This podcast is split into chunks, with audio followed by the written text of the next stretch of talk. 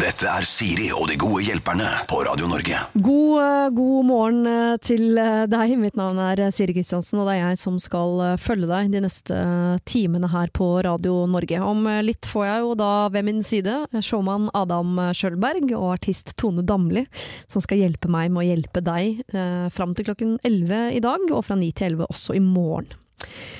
Jeg har hatt en kald uke, som mange av mine kollegaer og naboer her på Østlandet. Og da er man jo mye innendørs, eh, for å si det sånn, og da er man mer oppå hverandre enn eh, ellers. Og når man i tillegg bringer kulda inn ved at man blir litt eh, sur og vanskelig, ja, da begynner det å bli kaldt. Jeg har dessverre kjefta mye på mannen min denne uka her, fordi jeg har hatt mine ting å tenke på, vært trøtt og sliten og egentlig vært litt, sånn, vært litt andre steder oppe i hodet mitt. Da har man ofte ikke så mye overskudd til å, å tenke på noen andre enn seg sjøl. Og bare, det er så dumt hvordan man alltid lar det gå utover de nærmeste, når man er litt sliten eller lei eller andre ting å tenke på. Egentlig kunne jeg jo bare sagt det jeg har sagt, jeg beklager akkurat de dagene her, så har jeg mye å tenke på. Uh, så, men jeg er snart tilbake. Bare, jeg bare trenger litt fred og ro og litt tid for meg selv. Men isteden så prøver man å være den man er ellers. Være med på alt, være til stede, bli med på alt. Men så er lunta kortere, man blir fortere sint. Så selv om du er til stede, så er du egentlig en dårligere person til stede. Det har vært bedre å tre litt til siden. Egentlig burde man jo, når den ene er litt øh, sliten eller lei, da, så burde man jo gå sammen som team og støtte og hjelpe og de tingene her. Det er da liksom det å være par virkelig skal være en gode. Men jeg er ikke så god på å innrømme at jeg er sliten. Uh, eller innrømme at jeg er lei meg. Innrømme at jeg trenger hjelp, eller trenger trøst. Jeg er glad i å på en måte klare meg sjøl. Ehm, så det jeg da ofte gjør, istedenfor å be om hjelp, så kan jeg irritere meg over at folk ikke bare skjønner at det er det jeg vil ha, at jeg vil ha kjærlighet og trøst. Så da kan jeg ha en tendens til å prøve å støte fra meg, bare for å teste om du egentlig liker meg så innmari godt. Det er ekstremt destruktivt. Men samtidig tenker jeg altså at hvis ikke, når jeg har det som jeg har det, kan ta det ut på de nærmeste, hvordan skal jeg få det ut da? Jeg kan ikke drive og skrive kronikk hver gang jeg blir irritert. Så vi har noen runder med dette. Det er ikke så ofte, altså, men det hender vi har noen runder. Og heldigvis så sier jeg unnskyld. Jeg er flink til å si unnskyld, og jeg pleier å liksom minne ham på at du vet jo hvordan det er, jeg har en tendens til å snakke i capslock og uh, gjøre ting større enn det er, og du vet at jeg må helt ned i kjelleren før jeg kommer opp igjen, og jeg syns det er vanskelig å snu alle de tingene der. Og så langt så er han forståelsesfull, og jeg må liksom bare tro han når han sier at dette går helt uh, fint. Så Uh, jeg, skal, jeg, skal, prøve å skjerpe meg, og så håper jeg at han holder ut med de rundene der uh, i de neste hundre årene. Vi skal flere ganger denne helgen her, både i dag og i morgen, prøve å hjelpe noen par som kommuniserer forskjellig. Altså man uttrykker kjærlighet på forskjellig måte, og jeg tror det er mange som bruker tid på å etterstrebe seg at man skal kommunisere likt. Og som oftest sitter jo begge på hver sin tue og tenker at åh, hvis, ikke, hvis, bare du kunne ha uttrykt deg sånn som jeg uttrykker meg, fordi sånn som jeg gjør det, føles veldig riktig for meg. Så det må jo bety at du burde uttrykke deg på måten jeg uttrykker meg, for at vi to skal ha det bra sammen. Og det kan gjelde da deg og kjæresten, deg og en venn, deg og familien, deg og en sjef. Altså en som bare uttrykker seg annerledes enn sånn som du tenker at det skal være. Jeg møtte en jente en gang som uh, var en sånn type som likte å snakke om alt, var veldig åpen, tok tak i alle ting ved seg selv og ting i livet sitt. Mens uh, kjæresten var en sånn fyr som ikke likte å snakke om ting, gikk litt stille i dørene når ting var vanskelig osv. Og, så og hun mente at løsningen måtte jo være at han ble sånn som henne, som kunne snakke om alt, og som skrek ut sine følelser og sånn. Uh, men så viste det seg at han var opplært fra barnsben av at hvis det var trøbbel i huset, så uh, var det riktige for han å gjøre, var å trekke seg unna og ikke gjøre noe ut av seg. Det var sånn han fikk kjærlighet som barn. Det var det beste for alle at han bare gikk på rommet sitt og uh, kom ut igjen når stormen var over. Det var det behovet mor hadde, og det var da han følte seg elsket fordi han hadde gjort det hun trengte. Uh, mens denne jenta jeg møtte, hun var vant til å rope for å bli sett og bli hørt. Og hvem skal bli hvem da? Skal han bli sånn som roper og skriker, eller skal hun bli en sånn som bare går på rommet når ting blir vanskelig? Jeg vet ikke. Eh, må man kommunisere likt? Holder det at man bare forstår hvordan man kommuniserer, og hvorfor man kommuniserer som man uh, gjør? Jeg vet ikke. Jeg har ikke løsningen på dette. Jeg bare vet at det er sjeldent at det bare er én som har rett. Det føler jeg meg ganske sikker på. Hvis du sitter og føler at du eh, har et problem, eller at du rett og slett har en løsning, og at det er noen andre som har problemet, så eh, send det inn til meg på sirialfakrøllradionorge.no. For husk det, jeg er her, jeg blir her. Du skremmer ikke meg, selv med dine mørkeste tanker. Antagelig har jeg tenkt dem allerede. Siri og de gode hjelperne. Lørdag og søndag fra 09.00 på Radio Norge. Underveis i det lille musikalske innslaget så har jeg altså fått mine to gode hjelpere på plass, som i dag er eh, showmann Adam Skjølberg, har jeg valgt å kalle deg for, og artist Tone Damli. Hei! Er det show og artisteri dere driver med for tiden, eller hva, liksom, hva går dagene med til? Jeg, eh, jeg driver og skriver bok om dagen, så jeg prøver å være sånn fornuftig og være inne og finne inspirasjon. Det er veldig vanskelig. Tung litterær sci-fi-roman, eller hva går det i? Det, det, er, det er ikke en humorbok, det er, jeg skriver om maskulinitet. Så akkurat nå driver jeg eh, og intervjuer eh, guttegjeng, sånn guttegjenger på videregående. Eh, og så er jeg i samtaler med psykologer og voldsforskere. For å redefinere manndom, eller? Ja, egentlig. Ja. Mm. Ja. Du da, Tone? Nei, jeg driver med noe litt annet enn det. Noe litt lettere, skulle jeg si. Um, akkurat kommet hjem fra ti dager på Geilo. Vært med på Camp Senkveld. Ja, det er gøy! gøy. Ja, veldig, veldig Ja. moro. Man må ha litt moro innimellom, Ja. uh, og det var gøy. Og forutenom det så skal jeg sette i gang med ny musikk nå. Så det er det det neste halve året, i alle fall kanskje året, vil dreie seg om. Ja, da går du i en ganske sånn tung kreativ prosess da, på et halvår, Jeg gjør det. hvor man forsvinner litt fra jordas overflate. Og Ja, og jeg gleder meg helt sinnssykt til å gå inn i den verden. Jeg skal prøve å gå litt tilbake sånn som man lagde plate før, for nå i det siste har man bare laga enkeltsingler. Ja. Eh, men nå har jeg lyst til å sette meg ned og, og lage mange låter med, med en rød tråd. Wow. Det blir deilig. har du bestemt deg for tråd? Jeg har bestemt meg for tråd. Ja. Mm. Er det innen kjærlighetens rike? Eh, Det blir alltid innen kjærlighetens rike.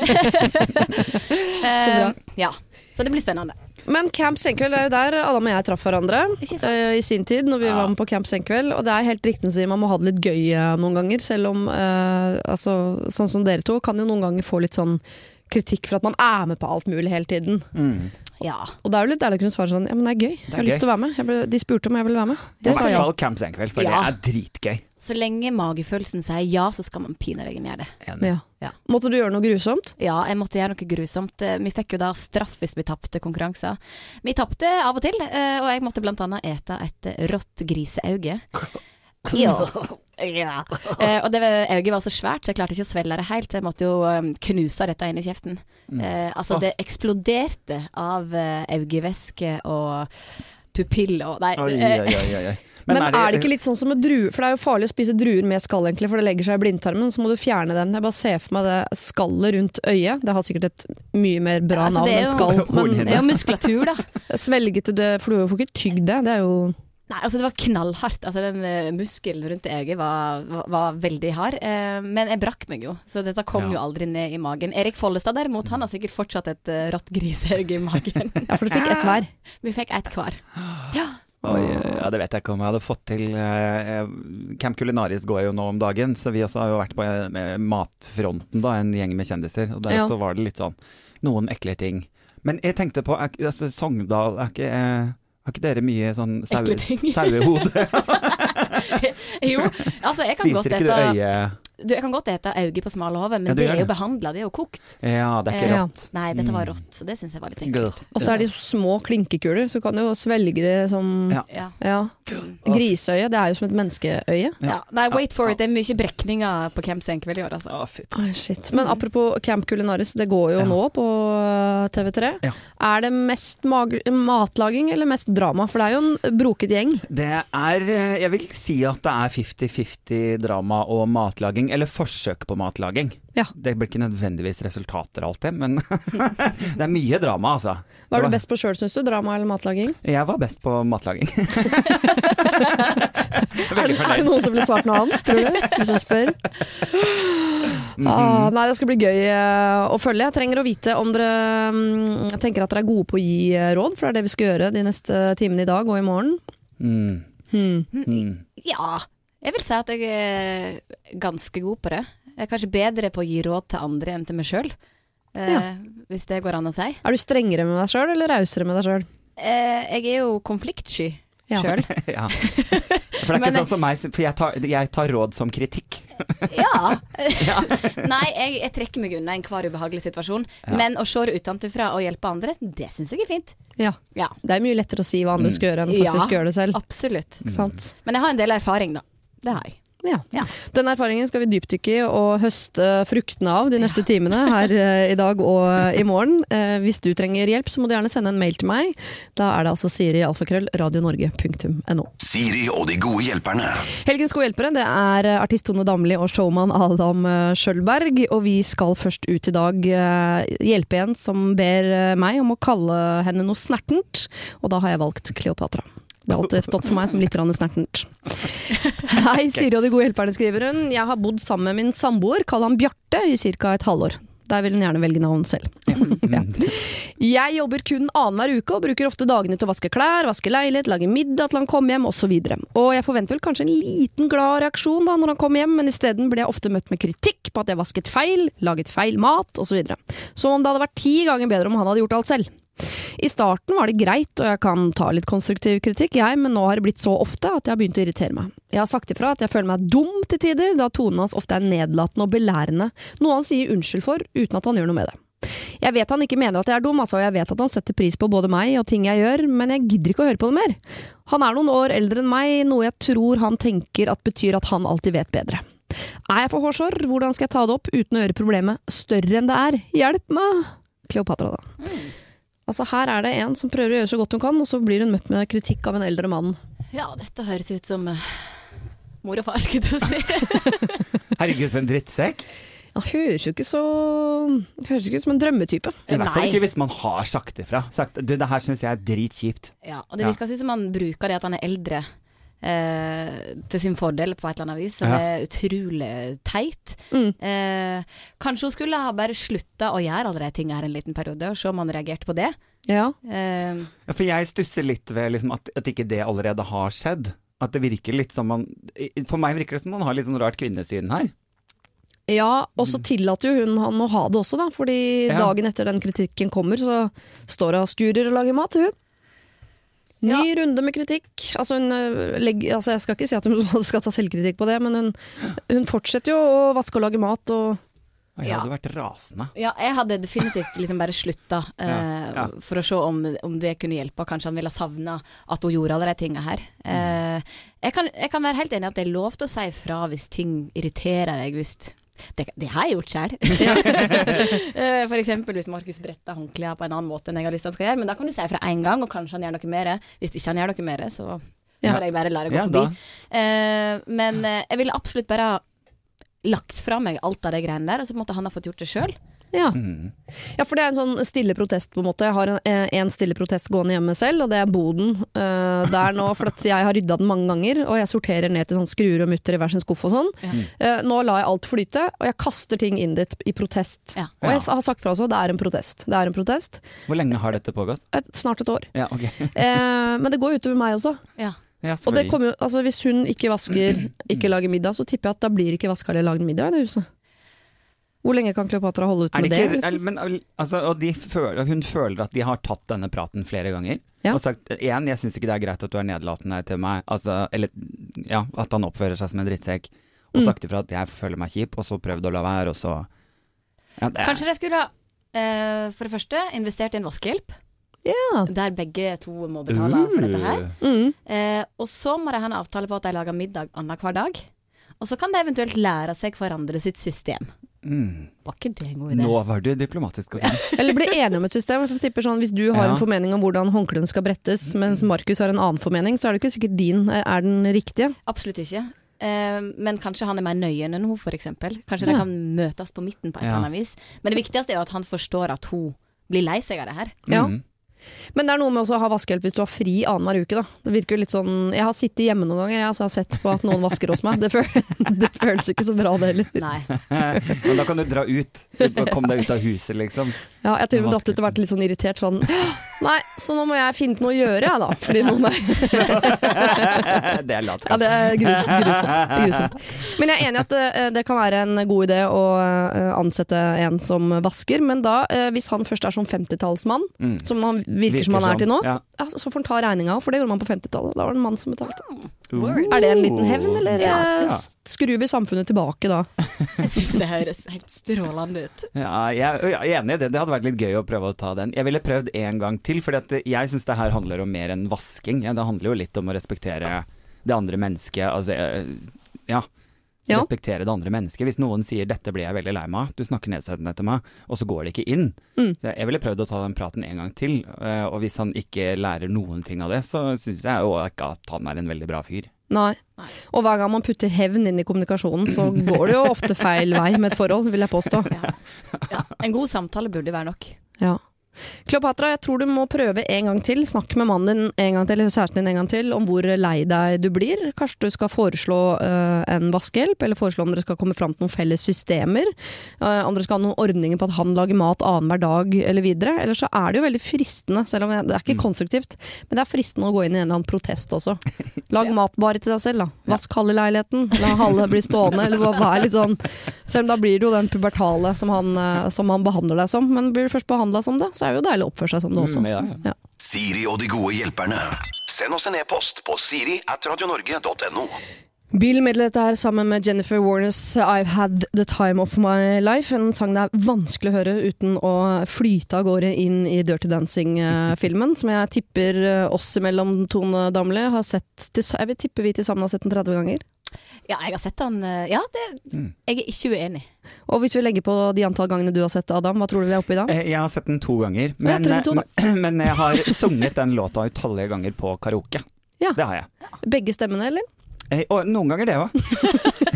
Sist sang jeg den sammen med Terje Sporsem. Ja. Jeg ser ikke for meg at han er så like god til å synge som deg. Men det er en fordom jeg har. Ja.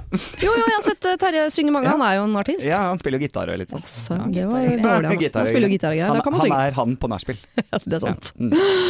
Dere, eh, det skal handle litt om musikk, faktisk. Fordi her er det to søstre, Emilie og Sara, som eh, ønsker å gå på konsert. Men det kan vise seg å bli noe vanskeligere enn de hadde sett for seg.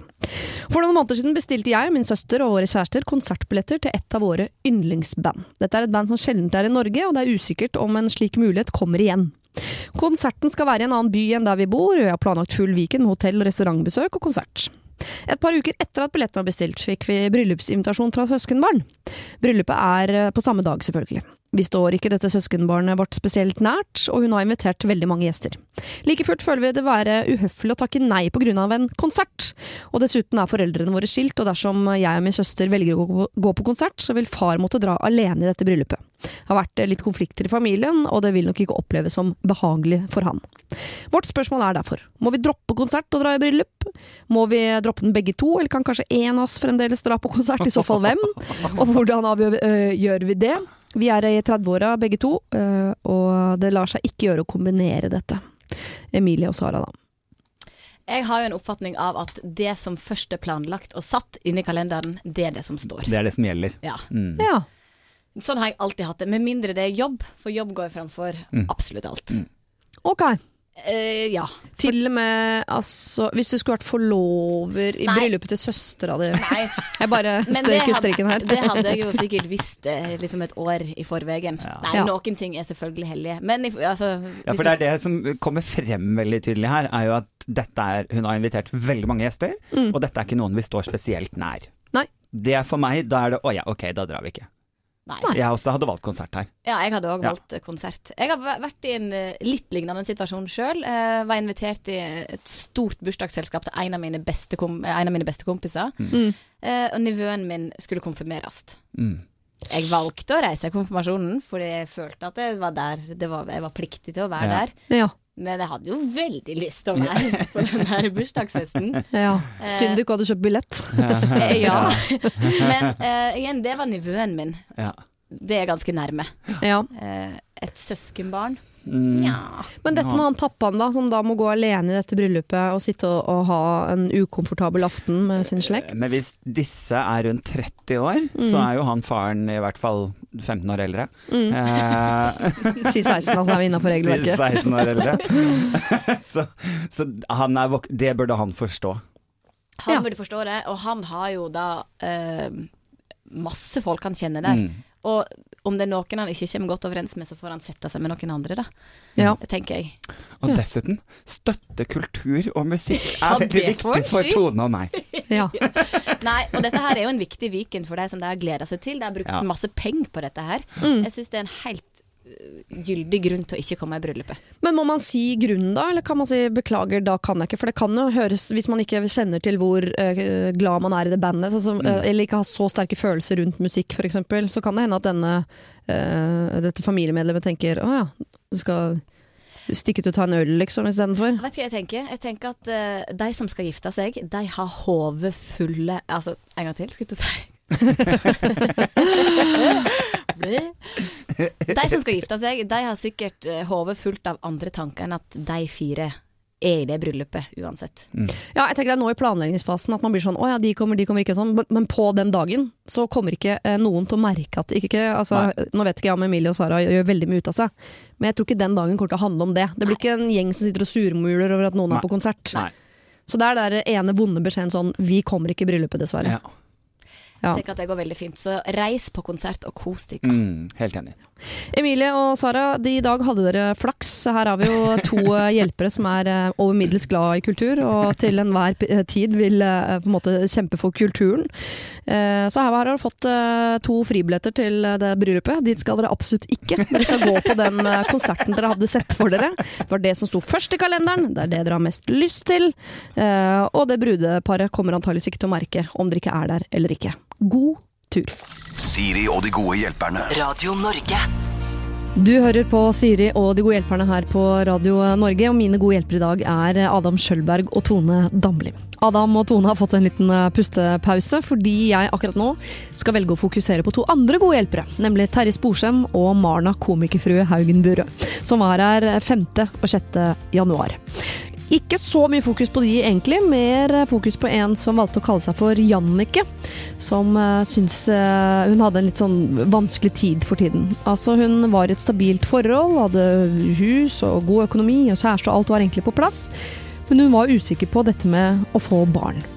Eh, hun trodde kanskje at hun var eh, gravid, eh, og var bare, altså var usikker på hele Har jeg nok lyst på barn til at vi skal bli foreldre? Men hun hadde ikke den derre wow, jeg gleder meg helt vilt, og det er et mirakel. Hun hadde ikke den og lurte på skal man rett og slett vente til den dukker opp, eller kan det hende at jeg ikke er et sånt menneske som som har de følelsene nå, men som allikevel kommer til å bli veldig veldig glad i det barnet.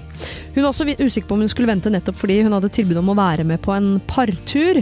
Hun og kjæresten og noen andre par på en eh, ferie hvor hun syntes det var lite egna å være med dersom man skulle være gravid. Så hun er usikker på sånn, skal jeg i hvert fall vente til etter den turen man prøver å bli gravid, eller skal jeg vente enda lenger, eller skal jeg bare hoppe i det, eller hva skal timingen være på dette? Jeg spurte Terje, som jo sjøl har en skokk med unger, og til og med barnebarn til tross for sin unge alder, og da eh, Marna, komikerfrue Haugen Burøe, som jo også har da eh, sin lille ungeflokk med mannen eh, Ørjan.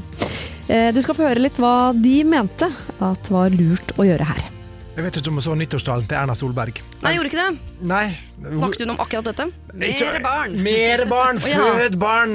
Det er han. Å ja. Ja. Men, eh, men er altså, For en forferdelig situasjon å være i, da. Fordi Um, altså, samfunnet hyller jo alt den der når du er gravid. Å, den følelsen du får, og ha et liv inni deg. Mm. For det er jo ikke sånn.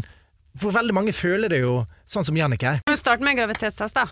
Ja, for å finne ut av det en gang for alle. Ja, ja. Så kanskje slippe å bekymre seg i første omgang. Det skjer jo ofte fra du på en måte finner ut du er gravid, eh, så skjer jo det et par Du skal gjennom en del prosesser før du eventuelt eh, fjerner et foster, og innen den tid så er det veldig, veldig, veldig mange som ombestemmer seg. Ja. Så det er jo en grunn til at vi er gravide en stund før dette barnet kommer ut, så vi skal jo ja, gjerne ha litt tid på å eh, tenke litt og kjenne litt på det, og så eh, plutselig så gleder du deg, vet du. Dette var altså Terje og eh, komikerfrue Marna, eh, og hva de mente at kunne være lurt i denne situasjonen som Jannicke befinner seg eh, i. Hvis du vil høre hele, så må du laste ned podkast fra 5. og 6. januar. Fått en ny mail fra Jannicke, og det setter jeg veldig, veldig pris på, hvor hun skriver her. Hei! Jeg er gravid. Som jeg sa i mailen, så var jeg egentlig ikke helt sikker på hva jeg spurte om, men Terje sa det så godt. Graviditet fremstilles som noe så rosenrødt, og dette er noe alle er lykkelige over, osv. Dette gjelder særlig i min omgangskrets, og gjorde det dermed vanskelig å sitte inne med disse følelsene og ikke tørre å si det til noen i frykt for å ikke bli forstått. Jeg sleit med dårlig samvittighet overfor meg selv og min mann da jeg, føl da jeg følte jeg ødela noe som skal være så fint. Med tanke på min situasjon, altså godt voksen, godt etablert og har en barnesjuk mann, så var det aldri et alternativ for meg eh, å ikke beholde barnet. Noe som kanskje trigget denne følelsen av å være litt låst i noe man ikke helt faktisk vet om man vil. Jeg støtter fri abort eh, 100% bare så det er sagt. Jeg har nå snakket ut med min fantastiske mann om mine tanker, og han har full forståelse for mine følelser. Jeg syns fortsatt det er vanskelig å glede meg, men erkjenner at mye er fryktbasert for et steg inn i det ukjente. Og at det kommer til å ordne seg, selv for sånne som meg, og at ikke jeg er den eneste som føler seg sånn. Tusen takk for råd, og tusen takk for at jeg ikke lenger føler meg alene om disse følelsene. Jeg må innrømme at jeg gråt en skvett når jeg hørte på dere, av å bli hørt og av å bli forstått. Hilsen Jannicke. Så noen ganger så er det ikke nødvendigvis det at andre mennesker sitter på løsningen til den floka du sitter i. Sitter på en magisk knapp du kan trykke på, eller har et ord som gjør at du vips er ute av situasjonen og over en eh, parallell dimensjon.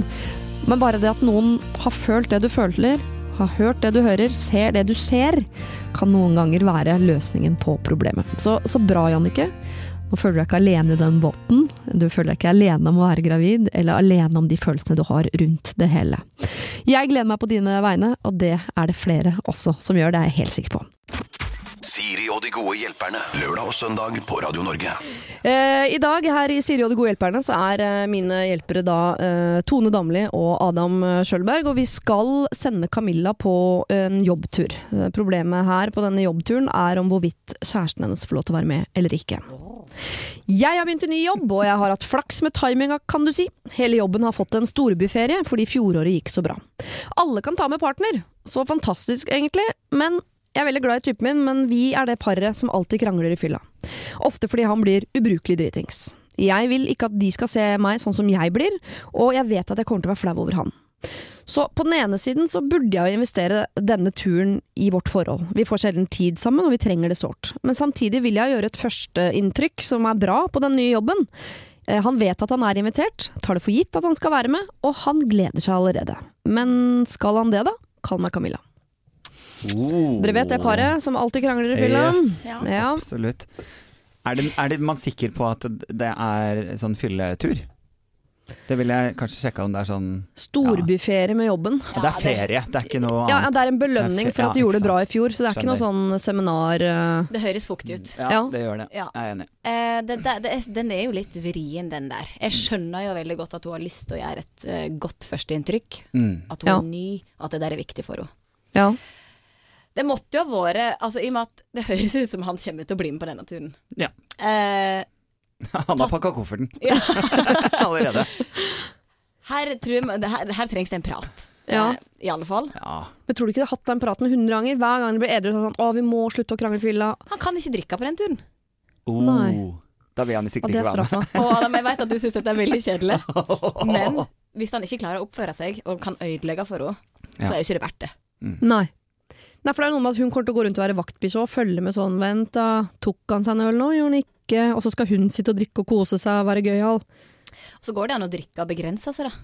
Nei, det går ikke. Men det er noen som ikke, ja, men det er noen som ikke får til det. Nei, det er jeg helt uenig i. Ja, ja, det er vanskelig der. For det som ofte kan ende opp her, er at eh, hun ender opp med å ikke drikke. Mm. For å klare å, å kontrollere situasjonen, ikke sant. Og da ødelegger hun jo på en måte sin egen ferie også. Så han får en kjempegøy tur Ja. med hennes nye jobbkollegaer. Mm. Han henger dritings over skulderen til konsernsjefen, og de har det så gøy. Ja. Og så står snerpefrøken Camilla borti et hjørne og er pottesur. Ja. Ja, og på mandag har han sparken. Å, fy flate. Så får han jobben i stedet. Han får jobben. Nei, altså Litt kinkig dette greiene her, altså. Ja, Jeg er også enig i at man uh, burde kanskje ta en prat her, fordi de vet jo tydeligvis at de krangler mye i Ja. fylla. Så, og, og kanskje i hvert fall snakke om alvoret i situasjonen før man drar. Ja. Og så handler det jo om å gi litt tillit òg, at hvis vi blir enige om at ok, hvis vi altså, ender opp med å kjenne at vi må krangle, så la oss komme oss til helvete ut av lokalet, liksom. Altså jeg vet ikke Jo, Møtes eh, på nærmeste, nærmeste narvesten, liksom, hvis du Nærmeste merker at du blir irritert. Ja. Men jeg kan kjenne meg litt igjen uh, av og til, fordi uh, Jo, Ja, men, nå blir det ja, men jeg skal si det på Altså, man blir jo invitert på ting og tang. Ja.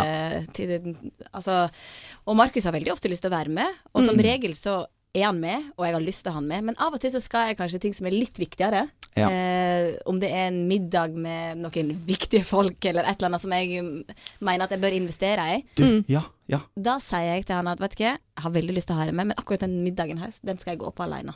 Det Ja. var lurt. Og det skjønner han. Ja. Ja. Eh, så det går an å si det rett fram. Det går an å dra på den turen sammen, Mm. men de middagene med jobben, Ja. da må han finne på noe eget. Da kan han gå på spa. Da kan han gå på spa. Å være ko hemmafru. Ja. Ja. Jo. Ja, eller at hun sier sånn, men uh, julebord og sånn, fremover så skal du selvfølgelig få lov til å være med, men akkurat den turen her, jeg har lyst til og jeg tror ikke jeg ville sagt noe sånn, jeg blir flau over deg, vi krangler alltid sånn, sånn. Jeg har bare lyst til å bruke 100 av oppmerksomheten min på å være det beste meg, og bli kjent med de. Mhm. Men da er du der nede, og så alle de andre er par, og så er du hun ene som ikke har med seg mannen sin. Det sender jo et visst signal, det òg. På mange måter. Ja. Ja. ja. Her må jo egentlig være ta et valg. Mm. Ja. Ellers må bare vi gjøre det for henne. Ja, jeg, jeg tror faktisk, jeg- hvis jeg går i meg selv, så kjenner jeg litt på at jeg hadde sagt er dødsgøy, bli med, vi skal finne på våre ting. Men akkurat de jobbtingene, så er det viktig for meg nå at jeg blir godt kjent med de. Så jeg er så Ja. redd for at vi blir sittende og henge sammen, eller alt det der. Så jeg vil helst egentlig at de jobbtingene, middagene, de gjør jeg aleine. Eller Ja. de møtene som er, og så henger vi sammen resten. Ja. Eh, Så får du noen fritimer, og så kan du slappe av og gå på spa. Jeg har til og med booka, jeg, spa for deg. Ja, det er det beste. Eller også sånn vi, eh, Jeg skal være to dager med jobben, Ja. Og så kommer du ned. Mm. Og så tar vi tre dager, bare vi to Ikke etterpå, sant? i Ja, samme Jeg hadde prøvd å se, eh, liksom, ja, gjøre det til to separate ting, tror jeg. Kjøre en kombo på det. Ja. Sånn, jeg trenger liksom, i hvert fall første middagen Du kan komme ned siste dagen, eller sånn, men jeg trenger å bli kjent med sjefen og kollegaene Ja. mine på egen hånd først. Mm. Og så later vi som du opererer blindtarmen eller noe sånt, så du kommer litt seinere. Inngå en sånn felles jugegreie på det. Ja. ja. Ja, men det er ikke noe dårlig plan, det, altså. Nei. Nei. Camilla, eh, det er jo, dette er viktig. Dette er det Tone Damli vil kalle. Dette er en viktigere middag. Her må jeg liksom, dette må jeg investere i. Her må jeg være mitt beste jeg. Og hvis du ikke er ditt beste jeg sammen med typen din i fylla, fordi dere alltid begynner å krangle, så er det ikke sikkert det er så lurt at han er med. Eh, Hvis han er med, så må han være på spa mens du spiser middag. det er her er rollene snudd, det er veldig deilig. Eh, eller så kan han komme ned litt seinere, eller så må dere inngå et eller annet kompromiss på at han eh, må drikke mindre. Men det vil jeg testa ut hjemme først, om det er en avtale som går i vasken etter klokka sju, eller om det er noe dere faktisk klarer å gjennomføre. Siri og de gode hjelperne. Send oss en e-post på siri at radionorge.no. Veldig sår eh, stemme derfra, Q med 'Burning' her på Radio Norge, hvor jeg, Siri Kristiansen, sitter sammen med mine to gode hjelpere for helgen, som er showman Adam Sjølberg og artist Tone Damli. Eh, begge aktuelle for så vidt med hver sin camp. Camp Culinaris på Adam og Camp Senkveld på eh, Tone. Så, men det kom, er det lenge til det kommer, eller? Eller går det nå Du, Det er denne sesongen her. Ja, ja, ja. Mm. Ja. Det begynner jo nå um, 8. februar. 8. februar. Kommer Ja. på TV først også, går utover hele våren, da. Så hvis du har en uh, drøm om å se Tone spise griseøyne, så er Senkveld altså programmet for deg i tiden Ja. framover. Og være det svakeste leddet i gruppa. Det ryktes også om at Stian Blipp er faktisk dårlig på alpint, Ja. så det kan jo bli spennende da. Mm. Ja. Eh, Vi skal til eh, lørdagens siste problem, som kommer fra en jente i midten av 20-åra. Dere kan kalle meg Tuva. Kjæresten min, Henrik, er en trygg, deilig og bra fyr, men han fins ikke romantisk! Jeg føler virkelig ikke at jeg kravstår her, men jeg er nok litt forventningsfull. Jeg er selv veldig på når det kommer til sånne ting. For eksempel lager jeg middag til han han kommer på besøk, tar med favorittsjokoladen hans fra butikken, kjøper julekalender, lager frokost før han står opp, kan kjøpe øl til kjøleskapet hans når det er helg og jeg skal bort. Det gjør dessverre ikke til at han tenker at han kan gjøre lignende ting tilbake. Jeg skulle bare ønske at han en dag kan vike fra det planlagte, vike fra det dagligdagse. At han er litt oppmerksom, at han kan stå klar med en middag en dag, istedenfor at vi alltid må møtes på butikken for å planlegge sammen. At han kan kjøpe meg favorittbrusen min når han kommer på besøk, gi meg sjokolade når jeg har PMS, som hun skriver. Jeg har ved noen anledninger prøvd å forklare for han at hverdagsromanse for meg handler om å gjøre uh, noe man tenker at åh, det ville hun satt pris på. Han sier selv at han er klar over at han ikke er en romantisk type, og også sagt at det har han ikke tid til. Så hva kan jeg gjøre for at han skal bli mer romantisk? Jeg vil jo absolutt holde på den fyren her, men blir innimellom litt bekymra for fremtiden også. Hjelp. Hilsen perfekt drømmedame. Åh. Tuva er den perfekte drømmedame. Henrik er, har ikke tid til romantikk. Altså, jeg må jo først si at uh, man merker jo veldig, veldig tidlig om man har funnet seg en romantisk kjæreste eller ikke. Ja. Jeg må si at jeg hadde falt av med en gang hvis jeg hadde merka at, at det ikke hadde vært en romantisk fyr. Ja. Jeg er avhengig av romantikk i hverdagen. Ja. Og alle mine kjærester har vært det, og er det. ja. Eh, så hun har jo tydeligvis eh, sett forbi dette her fra starten av. Men hva er romantisk, og hva er pompøst? Det, ja, men det, er som hun sier, da. Det Ja. trenger jo ikke å være mye i det hele tatt. Det kan Ja, men for, likevel, jeg er litt sånn på han For meg er det romantisk at vi møtes og handler sammen. Ja, men det er ikke sikkert de gjør det engang. Nei, jeg sa han ikke det? At, liksom, oh, ja. at vi alltid møtes og skal bli enige. Og, for meg er, jo det, er det det forhold handler om. Det er det jeg liker med forhold. Da. Men jeg har også et sånt problem med at med en gang jeg kommer i forhold, så vil jeg gjerne hoppe til at vi har sterke bånd. ja. Jeg, vil, jeg vil hoppe over den usikkerheten i begynnelsen. Jeg, jeg er ikke noe glad i den. Nei, for eksempel da, Markus vet at jeg elsker når jeg kommer hjem fra jobb, så jeg har vært på en konsert eller et event. Da vet han at jeg elsker en iskald øl når jeg kommer hjem. Så han da legger Ja. ølen i fryseren er 15 minutter før jeg kommer hjem, Ja. og så står han i døra med den idet jeg går inn. Det er ikke så jækla vanskelig. Nei, nei, nei. Det, Det er hyggelig. Ja. Men jeg tror man må ha den motoren. Jeg tror ikke den kan eh, trenes opp, Læres. på en måte. Jeg tror Nei. ikke Henrik, når han sier at jeg er ikke en sånn type, Mm, så så tror jeg ikke han er en sånn type. Jeg ser heller ikke på min mann som veldig romantisk, men han gjør noen sånne småting innimellom som er sånn Jeg setter meg i bilen, så har han via app varmet opp den, fordi han veit at jeg skal ut og kjøre. Sånne småting som jeg aldri ville gjort for han. Men det er noe med at Tuva gjør ting for han som hun vil at han skal gjøre for henne, og hun får liksom aldri noe tilbake. Så det har vært Nei. fint om han øh, Og så er det jo ikke som man vil jo ikke be om det heller, for det er jo ikke romantisk lenger. Nei. Nei, men jeg er jo veldig enig med henne, fordi jeg er jo tydeligvis ganske lik henne. Ja. Men når han sier at han har ikke tid til det i sin hverdag, det mener jeg er bullshit. Fordi er bullshit. når han er på butikken, så har han tid til å kjøpe med seg hennes favorittbrus, for eksempel. Ja. Så jeg mener at hun skal sette nesten et lite krav, jeg, om at uh, du, må bare, du må gjøre noe for meg. Ja. Uh, det trenger ikke å være stort, det trenger ikke å ta tid, det trenger heller ikke å koste penger. Men bare, Men du ville sagt det sånn som du sa det nå? Ja. Ja, ja. men bare ha, i bak, ha meg i bakhovet innimellom, liksom. Ja. Men har vi noen forhåpninger om at Henrik får til det der? Hvis hun sier at dette er noe hun trenger Ja, det er Ja. i akkurat det. sitt liv og deres forhold, Ja. så mener jeg at hvis han er en kul type, så gjør han det. Men hva, kan, man, hva- kan man gjøre det på bestilling i starten og håpe at han lærer på den måten? Sende melding sånn 'Husk å kjøpe blomster til meg i dag, da'. Ja.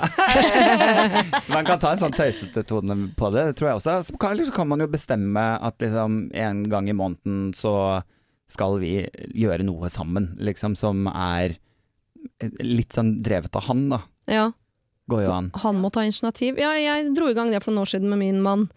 Sånn hverdagsdating hjemme, Ja. som jeg kalte for øh, Hva kalte jeg det? Biff og brettspill. Ja.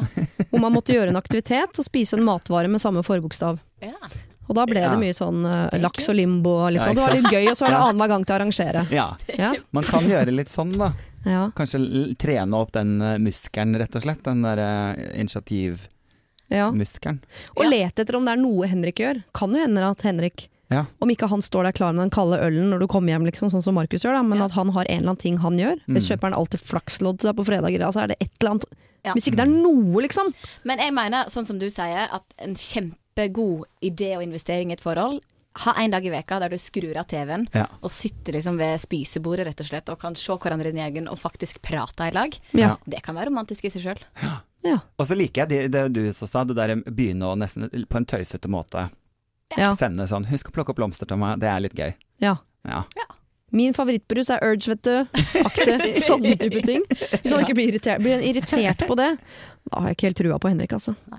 Tuva, hvis du er en sånn jente som trenger eh, en eh, mann som er mer romantisk, mer oppmerksom, som dyrker deg i større grad, så er det ikke sikkert at du får Henrik til å bli en sånn fyr. Og da må du jo ta et valg på et eller annet tidspunkt, da. Hvis det er viktig for deg, så er nok ikke Henrik mannen for deg. Men prøv å trene han opp lite grann.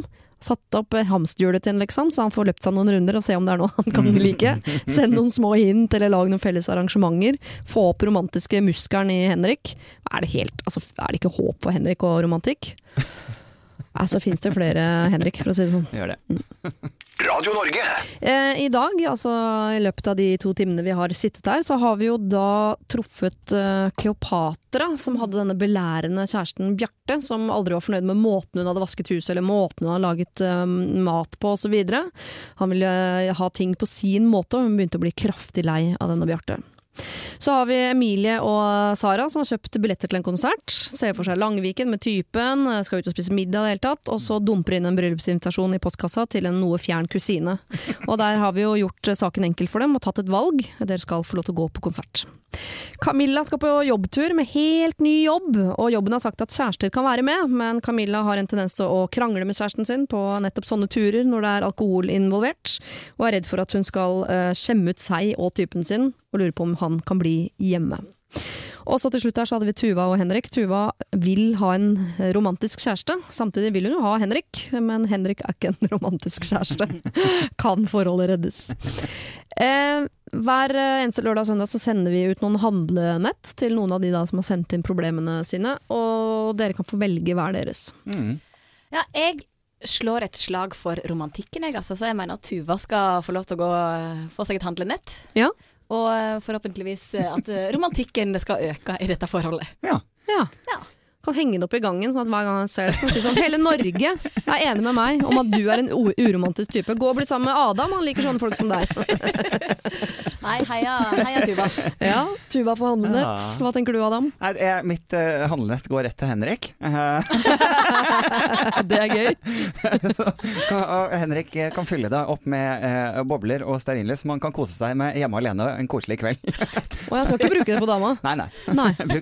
Bli kjent med seg selv. Så Du snill, altså. Du nuller ut det slaget Tone gjør for romantikken, med ditt slag Ja. for nøkternhet. Ja, så får han sitt handlenett henger ved siden av hennes i gangen. Jeg håper mitt slag var litt hardere enn ditt. Ok, da sender vi to handlenett til deg, Tuva. Du må gi det ene da til uh, typen din. Uh, og så er vi da altså på, tilbake på status Q på det greiene der. Siri og de gode hjelperne. Siri og de gode hjelperne denne helgen er altså da eh, meg, og så er det Adam Sjølberg og Tone Damli. Og vi skal ta problemer i dag som i går, eh, men før vi går løs på ny bunke med problemer, så uh, har jeg lagd et problem som heldigvis ikke fins, eh, men som jeg tenkte at dere kunne ta eh, stilling til, bare for å, å tøye ut eller varme opp, eller jeg vet ikke hva jeg skal sammenligne det med hvis vi først skal inn på et helsestudio. um, altså, Adam og Tone. Ja. Alltid utlevere seg selv, eller skrive kronikk om andre? Lett skrive kronikk om andre. Utlevere seg selv. En av hver? Hvorfor syns du det er lettere å utlevere deg sjøl enn å skrive om andre? Nei, nå er det noe strengt tatt det jeg driver med, da. Føler jeg, og har drevet med i 14 år. Ja. Uh, jeg har Altså, jeg føler at uh, min karriere handler om å by på seg sjøl. ja. Men ho- hva I intervjuer eller i musikken, eller begge deler, Begge eller deler, egentlig. I Ja. form av musikk, i form av blogg, i form av Ja. intervju. Ja. Uh, ja, gi og dele av seg sjøl. Men føler du at du har et behov for å holde noe for deg selv? Ja, Ja, Det har Så noe holder du for deg selv? absolutt. Ja. Jeg har et privatliv òg, men Ja. jeg liker jo Jeg liker å bjuda på. Ja. Ja. Alltid gjort. Men er du også glad i å, å snakke om andre innimellom? Hva, hvis vi først skal Ja, i private sammenhenger. Ja. Men det- ja. ja, men det er jeg absolutt. Men hvis jeg måtte ha valgt mellom de to Mm. tingene, så måtte jeg jo tatt det. Ja. Mm. Og du da, Adam, var veldig tydelig på at du helst ville da skrive kronikk om andre. Ja, det er Kjempeangst å måtte utlevere seg selv. Det oh, ja. syns jeg var helt forferdelig. Men jeg syns du også i stor grad driver med det. Jo, men det er veldig kontrollert, da. Jeg husker jeg, husker jeg fikk det spørsmålet en gang, for jeg snakket om at og, Har du fått akkurat dette spørsmålet før? Det nekter jeg å tro. Jeg har funnet inni hodet mitt. Ikke akkurat ja, Det er ikke så mye nytt som skjer inni det hodet ditt. Er jeg ikke unik? Er det. Nei da, men, eh, men akkurat det der med å, å ha- litt sånn angst for eh, å dele på, om seg selv, og, og det å stå på en scene og drive f.eks. standup, da, som Ja. er jo å ta kontroll på den situasjonen. Det, finner, det er jo en enveiskommunikasjon. Jeg bestemmer alt, liksom. Så Ja. for meg er jo det veldig greit. Jeg elsker definitivt å snakke om andre. Ja, Ja, ja. Også i kronikk. Ja, jeg driver og skriver en om deg nå, Siri. Er det sant? Ja. Ja, ja. Jeg elsker å utlevere meg selv, og at andre utleverer meg i det hele Ja, tatt. Ja, så det, kjør på Ja. med de greiene der. Mm. Ok, da har vi altså uh, Adam og Tone, som jeg jo hører at uh, er glad i å komme med informasjon om seg selv. Uh, men der, du, Adam, er nok litt mer glad i å også komme med informasjon om andre enn det Ja. du er, Tone. Ja. Bortsett fra kanskje i private sammenhenger, hvor det hender at det kan gå en kule varmt, for å si det mildt. Dere, vi skal straks ta nye problemer eh, her hos meg. Og hvis du har problemer du ikke har sendt inn, så må du gjerne gjøre det. Min mailadresse er sirialfakrøll.radionorge.no. Siri og de gode hjelperne. Send oss en e-post på siri at radionorge.no. For Non-Blond spør eh, What's Up, en sang jeg forbinder med en togtur fra Oslo til Son for mange mange år siden. Jeg hadde musefletter, sekk på ryggen, drakk meg full på de 38 minuttene den togturen tar. Hoppet av toget i fart fordi um, toget ikke stoppet der hvor jeg ville av. Så eh, det var et godt minne til den eh, låta fra Tudele. Nå skal det ikke handle om meg, nå skal det handle om en eh, kvinne som jeg kan relatere til, bortsett fra navnet hun har valgt å gi seg selv, som er Smigol. Vet dere hvem det er? Smigol, er det Ringenes herre-ting? Det er han eh, stygge lille nakne skapningen fra Ringenes herre, som helst vil ha ringen. The Goll- Precious. Gollum? Gollum, ja. På navn. Ok. Hun skriver God morgen, kjære Siri og hennes gode hjelpere. Først litt om omstendighetene. Jeg og min fantastiske samboer har nå vært kjærester i tre år. Vi er ferdig utdanna, full jobb, har kjøpt vår første leilighet sammen. Vi snakker mye om et langt liv sammen med barn og det hele. Det er bare én ting jeg gjerne skulle hatt, nemlig en ring på fingeren. Jeg ønsker å gifte meg med denne fantastiske mannen som skal bli far til mine barn, men for han er det ikke så viktig med giftermål. Fra vi møttes har jeg vært klar på at jeg vil gifte meg før jeg får barn, og da har han sagt ja ja, og ikke så mye mer. Men nå i senere tid har det kommet fram at han faktisk ikke ønsker å gifte seg. For meg er det ikke selve bryllup som er viktig, jeg ønsker ikke et stort bryllup, men jeg ønsker å gifte meg for den tryggheten det skaper for oss og våre fremtidige barn. Han mener at det er ikke så viktig med ekteskap i dag, det finnes jo gode samboerkontrakter man kan skrive. Jeg vet også at hvis jeg prøver å snakke mer om dette, så kommer det aldri til å skje. Han er nemlig av typen som ikke gjør det hvis man spør flere ganger. Så hva gjør jeg da? Er det virkelig nødvendig å gifte seg i dag, eller er det gammeldags? Skal jeg bare gi opp? Kall meg Smigol. Jeg merka at eh, når, eh, spørsmålet starta, eh, så begynte jeg å himle litt med øynene. Ja. For jeg føler at det er litt sånn typisk jente å mase veldig om dette greiene her. Ja. Jeg, jeg er ikke sånn i det hele tatt. Eh, men når det kommer til at han faktisk ikke har lyst til å gifte seg i det hele tatt, så, så er det jo litt kjipt. Mm. Eh, jeg har alltid tenkt at men bryllup det kan skje etter man har vært sammen i mange år, og kanskje man trenger en ny bekreftelse på et eller annet, Mm. ja. og en stor fest, og i det hele tatt. Men kjedelig for henne hvis han ikke vil. Eh, kanskje hun skal sette seg ned og fri. Da Ja. sier han nei. Tenk så han sier nei. Ja. ja. For vanligvis i, når man er uenig i et forhold, så kan man si sånn Her må vi inngå et kompromiss. Gi og ta. Du må gi bla, bla. Men hvis det er sånn Jeg vil gifte meg, jeg vil ikke. Det er ikke noe kompromiss i det. Man kan ikke gifte seg litt. Nei, nei, for han sier det finnes gode samboerkontrakter og sånn. Men det må jo være en grunn til at han heller ville inngått en samboerkontrakt enn et giftermål. Altså, jeg, jeg, føler, jeg følte ikke at jeg fikk svar på hvorfor han ikke ville gifte seg. Nei. Det føler Nei. jeg ikke. At liksom, jeg ville kanskje funnet den grunnen, da. Samtidig så mener jeg at det å få barn er en mye større Ja. commitment enn det å gifte seg. Ja, Ja, men Det virker ikke som menn har skjønt. Nei. Ja, jeg mener det. Der virker det som eh, eh, feil hjerne tenker. ja, det har du kanskje rett i. Ja. Jeg har jo sjøl fått barn, og vi fikk barn ganske tidlig i forholdet. Og jeg mener at eh, det binder oss jo så sterkt sammen, mye mer enn om jeg hadde hatt en ring på fingeren. Ja. Uh, så det ville bare vært en liten bonus oppi det hele, ja. tenker jeg. Men øh, fordi barn virker det som det vil han ha. Men dette her høres ut for meg som en sånn prinsippfast fyr som har bestemt seg for at ah, Ja. bryllupet er for noe vås, liksom. Det trenger vi ikke. Og det er helt øh, Det må være lov å mene, for det er jo, som han sier, mye gode samboerkontrakter som kan eh, Mm. sikre deg de samme rettighetene osv. Samtidig så er det ikke helt rettferdig at han skal ta fra henne drømmen om å stå Ikke, ikke hvis det er fordi, fordi prinsippet, skjønner du. Fordi jeg, Nei. fordi jeg ikke vil. Jeg, jeg er litt sånn Jeg kjenner meg jo litt igjen, selvfølgelig, i han igjen. Ja. Men jeg er sånn, jo flere ganger folk sa du må se Titanic, eh, så endte det opp med at jeg ikke ville se Titanic. Og jeg har fortsatt ikke sett Titanic. Fordi alle sa jeg måtte se den, så da bare nei, det gidder jeg ikke. Jeg vet at båten går ned. Eh, Jeg har det samme med den julefilmen som alle har sett. Love Actually. Love Actually. ja, ja, ja, Skal ikke ikke se den. Jeg orker ikke det. Slutt å mase. Slutt Thomas. Jo mer du sier jeg må se den, jo mindre vil jeg se den. Det funker. Det helt motsatt. Men, Trass er så gøy. men da, ja, trass. Det er ordentlig trass. Men, hvis, og, men det her er jo en litt sånn større ting å være i trassalderen på. Altså, det, så det syns jeg Da skal han ha en ganske god grunn for å ikke ville gifte seg, og den ville jeg fått tak i.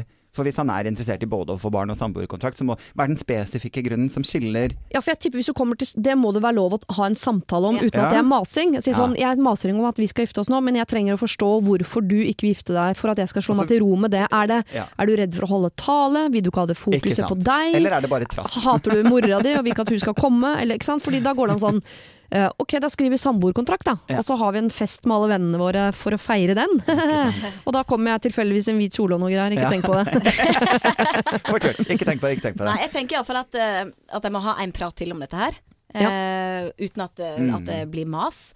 Der hun òg kan si, kanskje på slutten, at jeg kommer ikke til å mase om dette her fremover, men du skal bare vite hvor lyst jeg har til dette her. Mm. I framtiden en eller annen gang. Det trenger ikke skje nå. De har vært sammen i tre år, trenger ikke gifte seg da. Nei. La det gå noen år til. Eh, få et barn først, da, eller to. Ja, kanskje hun skal fire på de krava der. For Ja. nå virker det som hun har lagt opp livet sitt, og så må han bare bli med som en slags passasjer. Ja. Ja, det er ikke greit. Nei. Men er dette en samtale man bør ha når man går inn i Når er det ok å ha den samtalen for å vite Ok, hvis vi skal gå inn i et så langt forhold, så er det viktig for meg å vite at du vil gifte deg en gang, for det er viktig for meg. Er det Ja. ok å ha en Skal man ha den samtalen i begynnelsen av et forhold? Som Har dere hatt det? Forventningsavklaring. ja hvis, hvis å gifte seg er viktig. Kan skal... ikke si det på første date. Nei. Nei, men eh, sånne store spørsmål kommer jo på et eller annet punkt eh, opp. Ja. Eh, veldig mange prater jo om barn tidlig, Ja. eh, og da får man jo et bilde av om den motsatte part har lyst Ja. på dette her. Mm. Eh, og for mange er jo det viktig. Ja.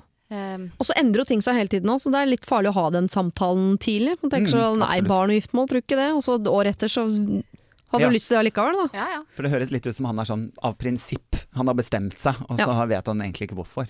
Nei. Og det virker jo, det er jo bare teit. Litt som meg og Titanic, på en måte. Ja, for hadde, jeg, hadde min eh, livspartner grått og sagt at det var viktig for han at jeg så den filmen, Eh, ja. Så det er kanskje sett Ja, jeg hadde ikke hadde ikke Nei, jeg hadde ikke det. Ikke at det skal være veldig god grunn for hvorfor det er viktig, for, oss videre. Ok, Smigol. Um, nå skjønner jeg hvorfor du kaller deg Smigol, men det handler jo om ringen! Herregud, jeg glemte å skru på IQ-en min i dag. Ja. Ja, det beklager jeg.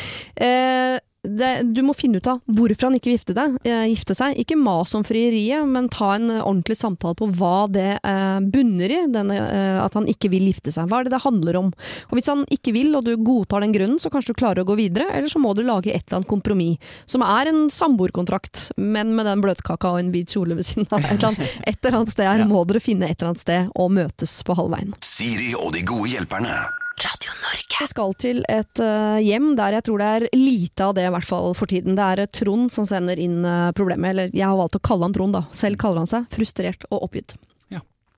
Hei, Siri og de gode hjelperne. Jeg har et problem, et stort problem, med alle de som ikke kan prate. Problemet er det med skjøtt, skylling, skjøre, kyrke. Kjæresten min har nemlig en eh, datter på ti år, og hos tiåringen og venninnen hennes går det bare i nettopp dette språket. Jeg korrigerer, men det faller ikke god jord. Datteren blir sint og sur, og påstår at jeg forstår jo hva hun mener, men jeg gjør faktisk ikke det. Det er ingen ord i det norske språk som uttales på den måten. Til og med min kjæreste, da, mammaen til denne tiåringen, kan bli irritert på meg. Jeg begynte med å forklare hvordan man uttaler ordene, så, eh, men nå bare korrigerer jeg. Jeg kan ikke ha det sånn, jeg. Jeg har tatt opp med kjæresten min, men hun sier at eh, det vil komme etter hvert. Nei, det vil ikke det. Barna hører ikke på de voksne som er hjemme, de må lære det fra noen andre. Jeg kommer til å klikke en dag, og det kommer til å ende med at jeg gjør det slutt med min kjæreste. Så hva gjør jeg da? Jeg tror dette problemet finnes mange steder. Hilsen av frustrert og oppgitt, vi kaller han Trond. Oi, oi, oi, men dette her var veldig drøyt. Altså, Ja, han er sinna. Han er sinna da. på noe som ikke går an å være sinna for, syns jeg, da. Ja, eh, får- jeg får pakke sakene og ta hele familien og flytte til Østfold. Så blir det helt naturlig. Altså, jeg er helt enig i det han sier, at mange av dagens unge Mhm. har en slags talefeil. Ja. Om det er Mm. Ja, men det virker som språket er i forandring òg, da. Ja. Eh, på et eller annet vis. Og så kan man like det eller ikke. Ja, altså kan du skru, Hvis du ser på gamle TV-opptak, for eksempel, så snakker man jo helt annerledes. Ja ja. Så altså, Språket forandrer seg hele tiden, og det er klart at eh, enten irriterer man seg over det, eller så tenker man at det er sånn det er. Det er sånn, det, er, det heter utvikling. Ja, ja. Ja. Men jeg ser dattera mi på snart fem år. Eh, vi bor i Bærum og har, og har tendens til Østfold L. Ja. Mm. Eh, nok som jeg prøver å, å jobbe litt med. Ja. Men jeg skal ikke, jeg skal ikke liksom skyte henne hvis det ikke går. Du skal ikke skille deg og Nei. adoptere henne bort. Jeg at det, det er jo en liten bagatell i livet. Ja. Ja. Og her må han ta seg en bolle. Ja. Bolle. jeg. Klarer ikke en sukkerelle. Bolle. Bolle. Bolle. bolle. Bolle. Bolle. Bolle. Men eh, fordi eh, det jeg syns er litt skummelt her, er hvis, eh, hvis han har tatt det fra et sånt perspektiv på sånn jeg jobber som lærer, jeg ser at Ja. dette er et problem, hva kan vi gjøre-aktig. Men her er det altså, han har kommet inn som nye typen til mutter'n. Ja. eh, og går rett inn i å korrigere tiåringen på noe hun gjør, som moren hennes ikke syns er noe problem, men han syns det er så irriterende. Det er som å sitte og irriterer seg over smatting. Ja. sånn, ja, men vet du hva, eh, det er ikke sånn at alltid den som er irritert har rett. Noen ganger må man bare slutte å irritere seg. Men når du sa det nå, smatting, og da veit jeg ikke hva jeg hadde, om jeg hadde fiksa. Det har jeg veldig kort lunte på. Ja, men da er det dysfoni. Da er det en uh, diagnose. Da skal du få hjelp. Ja, det har jeg mange av. Men Trond som bare irriterer seg over datteren til dama, Ja. er det, kommer det til å bære frukter, Nei, liksom? det gjør det ikke. Det Men- tror jeg ikke. Kan dette her bunne i noe annet? Kan det bunne i at han ikke har det bra der han er? Eh, At han Eller- egentlig er sint på noe annet. ja. Eller altså, jeg tenker at en talefeil kan ikke være grunn nok til å klikke. I hvert fall ikke når hele samfunnet gjør det. Nei. Nei, og så tenker jeg, Dan, jeg, jeg skjønner at det kan være vanskelig å flytte inn i et rekkehus med en kvinne du har møtt på, uh, Tinder. på Tinder, og så uh, skal du bli glad i en tiåring i tillegg. Det er ikke nødvendigvis gjort over natta. Eh, men denne tiåringen kommer til å få mye mer irriterende ting når hun blir 13-14. Mhm. Kommer til å bli ufordragelig i mange år antageligvis, i hvert fall Ja. for deg som ikke har vært med på eh, å lage og føde osv. Så, videre. Mm. så jeg tror, hvis du ikke liksom lar være å irritere deg over småting nå, så kommer det ja, så kommer det til å bli som du sier, ja. det blir slutt med kjæresten, men hvem er sånn som Hvem er det som taper på det? du, Det tapper jo han vel så mye på. Ja, De to har jo hverandre. Mm. Ah, ja. Riktig fokus. ja. Ja, litt feil, eh, henger seg opp i litt feil ting. For det der er jo dessverre sånn at eh, tjukk L eksempel er lettere å lære enn en skarp L. Ja. Sånn at eh, det, og det, da går språket den veien. Man gjør ting enklere for seg selv hele tiden, på generasjon på generasjon. Ja. Så, så det kommer til å ende opp med det. Jeg hørte det er en på nyhetene på NRK som har tjukk L. Ja, Jeg, var jo, jeg skvatt jo litt første gangen, men nå har jeg godtatt det. jo da, men eh, jeg, jeg kan kjenne litt på den samme sånn irritasjonen over, over ting Eh, Jeg har også vært en sånn som korrigerer, eh, ikke talefeil, men gramma, grammatiske feil, f.eks. Ja, Eh. Orddelingsfeil og sånn. Ja, det har jeg slutta med, for jeg har skjønt at det er bare jeg som er irriterende. Det, er ikke, det kommer ikke noe godt ut av det. Nei, fordi jeg blir irritert på de som irriterer seg over ordet som er Ja. han som må si fra om det. Ja. Det skrives i ett ord. Ja vel, gjør det du, da. Ja, gjør det du. Jeg Gjør bruker du? fire utropstegn, jeg, så jeg måtte legge det bort sjøl, da. Og det, har, og det har det båret frukter av. Ja. At jeg la det bort. Jeg må si unnskyld til deg, Trond, for du hadde sikkert håpet at vi skulle bli en sånn gjeng som bare Aah! Som uh, kastet uh, fatwa på alle som bruker en sånn måte å prate på. Men uh, det gjør vi altså ikke. Jeg tror det er mye lettere for deg å endre deg og din irritasjon enn å endre nå en hel generasjon som er i ferd med å snakke annerledes enn det vi er vant til. Let it go. Ja, den kampen taper du rett og slett, så da må du velge dine kamper. Skal du kaste forholdet og dama og alt på bålet i en kamp du uansett taper? Jeg håper ikke du syns at det er verdt det. Siri og de gode hjelperne. Du hører på Siri og De gode hjelperne her på Radio Norge, og helgens gode hjelpere er altså Tone Damli og Adam Skjølberg. Jeg liker å få la dem strekke litt på beina innimellom, slik at andre eksperter kan få slippe til med sine råd. Hver eneste helg eh, kontakter jeg altså en eller annen form for ekspert på et eller annet felt som vi alle kanskje kan ha litt godt av å få lov til å dyppe føttene våre i fra tid til annen. Og så gir jeg dem en slags Jeg tror ikke det er en utfordring, jeg tror mer det er en eh, etterlengtet mulighet, nemlig til å samle hele landet i en gymsal. Relativt stor gymsal, eh, og eh, si det man tenker kan være lurt for alle og enhver å få med seg. Det kan være sextips fra sexologer, det kan være samlivstips fra samlivsterapeuter, det kan være ernæringstips fra ernæringsfysiologer. Denne helgen er det altså økonomiske tips fra Silje Sandmæl. Du kjenner henne fra Luksusfellen, og nå altså helt nylig fra uh, kjendisvarianten av Luksusfellen, der hun går inn i kjente menneskers liv og hjelper litt med å rydde opp i deres økonomi. Uh, hun har alltid mange gode tips, uansett hvem hun nå snakker med, og nå er det altså på tide for Silje å få lov til å snakke til hele Norge i en gymsal, og hva vil hun da si? Silje hadde en bunke med ting hun gjerne ville si, men her skal du få høre ett av dem. Mitt beste råd er å prute hver gang du kjøper noe i en butikk som eh, har en prisgaranti.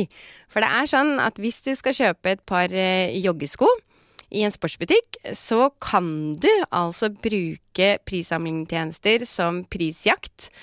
Og så kan du, hvis du finner de joggeskoene et annet sted på nettet eller i en annen butikk til en billigere penge, så kan du bare vise telefonen din hvis du er flau for å si at du vil prute.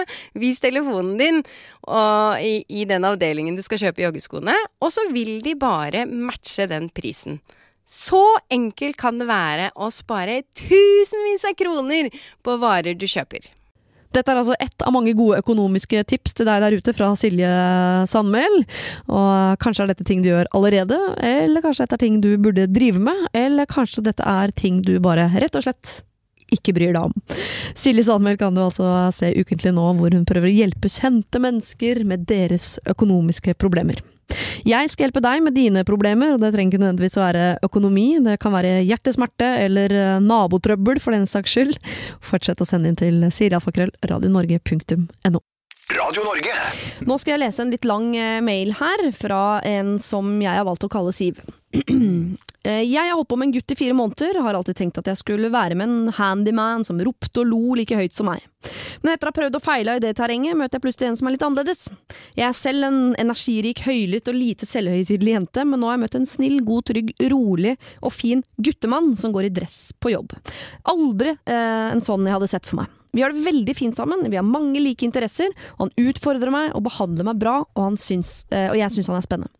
Problemet er, vi har ulikt kjærlighetsspråk. Kleint ord å bruke, jeg veit. Jeg vil gjerne rope ut alle følelsene mine som jeg har for han. Jeg vil ha mer passion, jeg vil være sårbar overfor han. Jeg vil kunne snakke om ting fordi det er hyggelig å fortelle hverandre at man elsker hverandre. Han har sagt slike, uh, har sagt slike ting uoppfordret i fylla, men jeg føler uh, at han må ha baller nok til også kunne si det edru. Dette kommer unaturlig for han, og når jeg forsøker å ta det opp med han, så virker det som han syns at jeg maser. Han sier at han ikke er så god på å snakke om det, og føler at han viser det, at det er mye bedre. Han ønsker at det skal komme naturlig, og sier at han føler at jeg forventer en reaksjon som ikke ligger naturlig for han. Han er veldig god på å vise at han bryr seg. Han steller i stand personlige eh, ting, eh, tar initiativ til ting vi skal gjøre sammen, og skjemmer meg bort. Han er på tilbudssida. Og jeg vil jo ikke endre han, men det hadde vært hyggelig å få litt bekreftelse, i form av at han gjorde seg sårbar og åpna seg, annet enn typ 'jeg liker det', samt komplimenter i ny og ne i fylla. Min interesse dabber nesten av litt når vi ikke kan snakke om sånne ting, og jeg trekker meg tilbake fordi det føles unaturlig for meg å kjøre på med kjærlighetserklæringer når jeg ikke får tilbake. Kan det fungere, tross ulikt kjærlighetsspråk? Åh, jeg kjente jeg ble irritert, her jeg satt. Jeg kjente at jeg skjønner veldig godt uh, hva hun mener. Jeg skjønner han så godt. Ja, nei, men altså Jeg har en kjæreste som er veldig flink til å uttrykke seg. Uh, men jeg har derimot en familie som ikke er så flink til å uttrykke seg. Ja. Så jeg kan sammenligne han her litt med kanskje pappaen min. Mm. Eh, jeg har aldri vært i tvil om at uh, pappa både elsker oss og bryr seg og i det hele tatt, men vi har aldri brukt sterke ord. Eh, vi snakker ikke, vi snakker ikke om sånne ting, men vi viser det. Ja. For meg hadde det vært helt topp. Men det er klart, han er faren min. Det er litt annerledes. Ja. Uh, men samtidig så kan hun liksom ikke forandre ham heller. Men altså, hun, når du leser opp hvordan denne fyren er, hun, hun leser jo opp drømmemannen. Altså, Ja. og, og, og så begynner hun å liksom skal hakke på han for det her at han ikke bruker store pompøse ord, fordi hun gjør det. Og så har de hva da? Vært sammen, hvor lenge sto det at de hadde data? Fire måneder? Ja. Slutt å tull. Ja. Naturlig kroppsspråk seg mellom to mennesker, det tar ikke fire måneder. Det, det, bare, det, det, å bli kjent med noen skikkelig godt tar nesten et halvt år. Ja, men dette her høres ut som en fyr som er sånn øh, Jeg har hørt en øh, Jeg er jo sammen med en litt sånn fyr sjøl, og innimellom er det veldig deilig, og så er det perioden man har lyst på mer. Noe mer og lyst på mer biff enn grønnsaker, hvis du skjønner. eh, som kan si sånn eh, Elsker deg. Jeg sa jo at jeg elsker deg, og hvis det forandrer seg, så skal jeg si fra. Sånn, ja, Ja. Som er veldig sånn Ja da, eh, du viser og jeg vet og du har sagt og sånn, men eh, hvis man er en sånn som gjerne vil ha bekreftelser oftere Ja. Så er det hennes problem og ikke hans. Ja. Ja. Eh, jeg tenker jo at hun er griseheldig. Ja. Eh, man, jeg, jeg tror det er mange jenter som tenker at ja, man skal ha en bad guy, og det er liksom så sexy og flott. Men i bunn og grunn så er det jo en snill Mm. kjæreste du har lyst på. Ja. Og hvis du har fått det som utfordrer henne. Han gjør ting, han tar initiativ, han er å finne på romantiske ting. Ja. Men han er ikke så stor med de pompøse ordene. Nei. Det høres helt nydelig ut. Høres høres jo helt magisk Drømmemann altså, for meg drømmemann. òg. Ja. Ja, jeg tenker bare at Og dessuten så tenker jeg det har jo vært eh, data i fire måneder. Fire måneder. Kanskje, kanskje ting vil forandre seg. Kanskje om et år så har han lyst til å si at 'jeg elsker deg'. Ja. Um, Og så hadde vi et problem tidligere her hvor det var en som uh, var sammen med en som ikke var romantisk i form av at han ikke kjøpte med favorittbrusen eller sjokoladen fra butikken og sånn. Tenk sånn. Hvis man må velge da mellom Ja. ha likt kjærlighetsspråk eller å uttrykke det i handlinger at man elsker hverandre, så må Der er jeg enig med typen din, Siv. Heller handlinger enn ord. Ja. Heia handling, altså. Ja. Ja. Jeg er helt enig. Og det der, og igjen, fire måneder. Det der kan forandre seg. Det tar litt tid å finne eh, måten man er sammen på og, og snakker til hverandre på. Det tar lengre tid enn fire måneder. Ja, Sett deg ned og tenk over hvor heldig du er.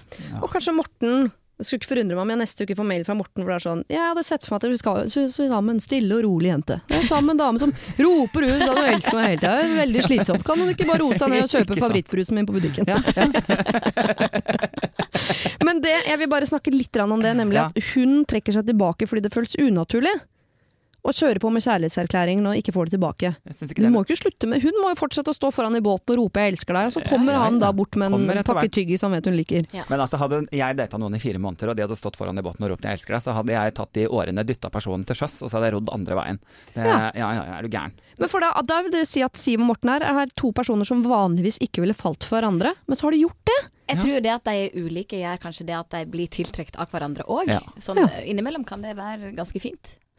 Jeg skal si en av de største klisjeene vi har. Broder det på en pute eller øh, gjør hva du vil med det. Hogg det ut i uh, drivet og få det opp på peishylla. Men altså, eh, Siv, du skal ikke forandre Morten, og Morten skal ikke forandre deg. Dere har jo falt for hverandre, så du skal fortsette å skrike. Mm. Og han skal fortsette å gjøre ting med handling. Ja. Ikke forandre det. Så finner dere de, deres greie etter hvert. Det er helt sikkert, for fire måneder er for kort tid til å, å ta de der eh, vurderingene på. Absolutt. Mm. Og Morten, hvis du vil sende meg en mail og problematisere Siv og måten hun skriker ut kjærligheten sin på, så er det altså siri.radionorge.no du bruker. Siri og de gode hjelperne. Lørdag og søndag på Radio Norge. Jeg er ikke så veldig mimrete av meg som person, men det hender at man hører musikk, og da er det ikke noe vei utenom Erase and Rewind The Cardigans. Da hadde jeg flyttet mm. for meg selv i en loftsleilighet i det huset der eh, Hva heter det, Hotell Cæsar-paret? Han skalla fra Robinson og hun uh, Juni Anker Hansen, si, Ninni eller et eller annet. Ankerseteren? ja, hun på Ankerseteren. Bodde i andre etasje der og hadde en sånn reiseovn stående på uh, en krakk. eh, bodde på en madrass på gulvet, og ja, det var veldig, hadde lavalampe, husker jeg. Oi, oi, Og måtte vaske opp inne på en sånn do som man har eh, inne, Ikke i doen, men nesten. Ja. Sånn vask man har på, På doen. badet, liksom. Ja. Mm. Oi, oi, oi. Flott skal det være. Det var uh, kummerlig forhold. Ja. Det er det uh, jeg vil si, men jeg Men når du hører med cardigans, så går du tilbake til liksom, Da husker du liksom det hyggelige med det? Ja, det var er det, koselig. det er positivt minne? Ja, jeg bodde Ja. for meg sjøl, liksom. Det Mm. var jo helt fantastisk. Flytte ut fra røkla. Det er noe av det deiligste jeg har gjort i hele mitt liv. Mm. Ja. Cardigans er aldri feil. Nei, jeg er helt enig. Selv om hun Nina er litt vanskelig. Hun vokalisten. Ja. Hun er en vanskelig type. Sånn sur svenske. Ja. Ok, godt hun ikke hører på, det er jo ikke noe hyggelig å si. Eh, vi skal jo prøve å være så hyggelige vi bare kan her i Siri og de gode hjelperne, og hjelpe til. Ikke eh, rakke ned på. Det må vi spare oss for. Klara og Jostein roper 'vær så snill, hjelp oss'. Eh, de har skrevet denne mailen i fellesskap. Vi er et par på 25, kall oss Klara og Jostein, og per dags dato så leier vi en leilighet i Bergen. Jostein er ferdigutdanna i mai, Klara og jeg er på mitt andre år i jobb, men har ingen fast stilling i Bergen. Vi føler nå at tiden er kommet for et slags veiskille, der lysten til å utforske ny boplass og litt mer etablerte ting har blomstret opp. Vi har veldig lyst til å kjøpe bolig sammen, men finner ikke ut hvor. Det er to alternativer vi står igjen med, og nå trenger vi deres hjelp. Her er altså vi skal velge hvor dette paret skal flytte. Oi. Alternativ 1. Søke nye jobber her i Bergen og kjøpe en treroms leilighet i blokk. Alternativ 2. Søke jobb på Hamar og i området rundt, for å da få muligheten til å kjøpe rekkehus med hage. Vi har drøftet fordeler og ulemper, skrevet lister, men kommer ikke fram til noen løsning. Så kjære Siri og de gode hjelperne, skal vi velge da øst eller vest, eller Bergen og Hamar, da? Takk for gode råd, hilsen Klara Jostein. Jeg er ganske klar på hva jeg eh, hadde gjort. Ja. Eh, jeg tenker at en blir voksen fort nok. Eh, jeg hadde ville nytt eh, fortsatt unge år i Bergen. Eh, fin Altså, du har jo fem til ti gode år igjen. Eh, Det Før det er rullator og trist. camperdrops. Det var trist. Ja, det- Så er det over. Nei. Nei, altså jeg fikk jo barn da jeg var 26. Eh, Ja. Da ble jeg liksom litt ekstra etablert, kan du si, og ville flytte ut av byen. Jeg syns det var skikkelig trist. Mm. Eh, savna byen, savna å ha en kaffebar bare rett ved sida av, eller eh, kunne gå ut og ta en øl. Men sånn ble livet da, fordi at ting skjedde. Da var det over. da var livet over. Kan jo være du får gode fem år på andre sida der, da. Kan være. Ja. Kan være. Og det er fint og flott å bo utenfor byen, men jeg tenker sånn 25 år, du har fortsatt lyst til å Ja. Leve livet lite Og ja, grann. hvis man har bodd i en større by, altså type Bergen, Oslo, Trondheim, eh, ganske lenge, så bør du ha ganske sterke røtter der du eventuelt velger å flytte ut til, et distrikt. Da skal du ha ganske god Du skal kjenne noen der, du skal ha noe slekt der fra før. Det å komme helt nyinnflytta til et lite sted er veldig vanskelig hvis man har bodd i storby, for man føler seg veldig alene, tror jeg. Eh, og nei, jeg også er på bo, bo i Bergen, altså. Ja. Og så er det lettere å flytte til et sånt sted når man har det der Ja. lille nurket Ja. på armen, fordi da kommer man inn i en barselgruppe, man treffer noen folk i garderoben på, i barnehagen, og så begynner de å spille håndball, der var det noen hyggelige folk man kunne spise parmiddag med. Altså sånn, flytte nå til rekkehus med hage på Nei. Hamar. Nei. Ja, dessuten så gjør du nok ikke noe dårlig investering ved å kjøpe en leilighet i byen, Nei. Eh, og så ta med deg da de casha videre til et rekkehus på Hamar. Med mindre jeg tenker at vi skal bli uh, gravide neste år, så er det klart at alle den, de pengene og den tiden du mister på å kjøpe leilighet, selge leilighet, kjøpe hus Altså det er jo Jeg tror jeg ville hatt en viss sånn formening om at vi skal bli i Bergen i fem år. Ja. Eh, og så skal det jo være sagt at man er alle forskjellige, og noen søker mer spenning enn andre. Eh, jeg for min del er jo litt spenningssøkende, Mm. så det hadde vært mitt valg. Men de må kjenne på sine egne behov. Ja, nei, Jeg altså, er verdens kjedeligste oss. menneske. Ja, Vi tar avgjørelsen. jeg er nok mer en sånn deilig med rekkehus og hage, og litt sånn Ja. rolig og lage snø Altså, jeg kan være ekstremt kjedelig på sånne ting. Har egentlig ikke lyst til å reise til utlandet på ferie og vil bare surre rundt i min egen eh, navle. Men uh, jeg også tenker ta noen år i Bergen, da. Ja, ta drøy det med å luke Ja. og bedde i noen år til, altså. Men du Siri hadde vært sånn selv om du ikke hadde hatt mann og barn. Skjønner du? Ja, ja, Tenk rekkehus, det er deilig. Eh, jeg vil sitte der og slacken, liksom. Jeg husker når mamma solgte hytta, så tenkte jeg sånn, skulle vi bare flytta på hytta, da? Tenkte, For, ikke sant? Ja, men du, er, du hadde valgt det uansett, da. Ut og stjele hester der ute, liksom. Det er jo deilig, det, da. Ja. Folk er forskjellige. Ja. Men Klara og Jostein, siden dere spør, og siden dere ikke blir eh, enige, så får dere litt i pose og sekk, da. Nå tar dere noen år til i Bergen, og så flytter dere til Hamar. Da får dere begge deler. Men vi utsetter det der rekkehus, hage, hele det der konforme livet der noen år til, i og med at dere bare er 25 år gamle. Siri og de gode hjelperne. Send oss en e-post på siri at radionorge.no. Tiden har kommet her i, hos Siri og Godhjelperne, som da er eh, meg og Tone Damli og Adam Schjølberg, til at vi skal dele ut to nye handlenett. Dere delte ut eh, to i går. Ja. Eh, litt sånn utafor regelverket. Der vi sendte til begge deler av et par. Selv om den altså, ene parten av paret egentlig ikke sånn sett var involvert i prosessen. Eh, hvis du ikke skjønner noen ting av hva jeg snakker om nå, så er du nødt til å laste ned podkast eh, for å finne ut av eh, det.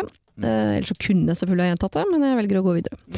I dag derimot så har vi følgende kandidater å velge mellom. Vi ble sendt med Smigol, altså denne jenta som ville veldig gjerne ha en ring på fingeren, men har funnet ut av at eh, mannen hun er sammen med, og som hun vil ha barn med og etablere seg med, han vil ikke gifte seg.